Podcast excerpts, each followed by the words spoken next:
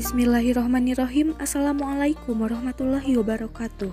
Perkenalkan nama saya Ana Rahma Sapitri Yang akan menjawab 8 pertanyaan. Berikut akan dirangkum dalam Lintas Jawab. Halo, selamat siang pemirsa. Kembali lagi dengan saya Ana Rahma Sapitri Yang akan memberikan salah satu berita Yang memiliki tujuan untuk persatuan dan kesatuan Indonesia Berita tersebut yakni Muktamar Baraya Sunda Sadunia. Saya menjelaskan serta menyampaikan berita dengan memberikan argumen-argumen berdasarkan bukti nyata dan fakta yang terdapat di tempat perkara.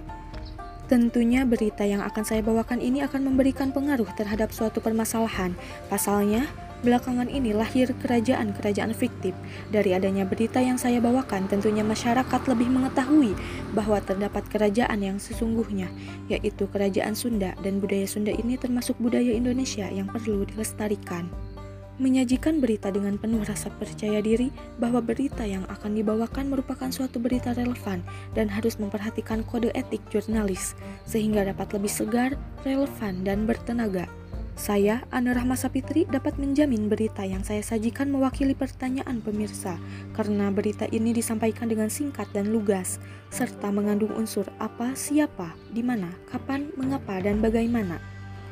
Berita yang akan saya sampaikan merupakan pemahaman kepada warga Sunda yang tidak ikut serta dalam Muktamar Baraya Sunda Sadunia terkait empat pilar kebangsaan tanpa melupakan kebudayaan Sunda sebagai warisan leluhur.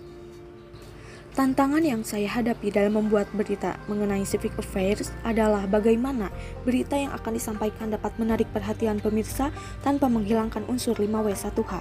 Karena akhir-akhir ini yang dapat menarik perhatian bukan tentang manfaat dari berita tersebut, melainkan hanyalah kejadian konyol dan lelucon dapat dengan mudah diterima oleh masyarakat dan saya memiliki solusi dari tantangan tersebut, yakni membuat dan menyampaikan berita harus lebih menarik dibandingkan dengan kejadian konyol.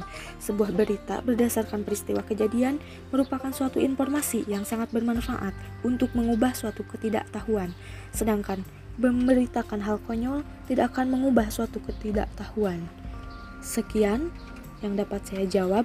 Kurang lebihnya, mohon maaf. Wassalamualaikum warahmatullahi wabarakatuh.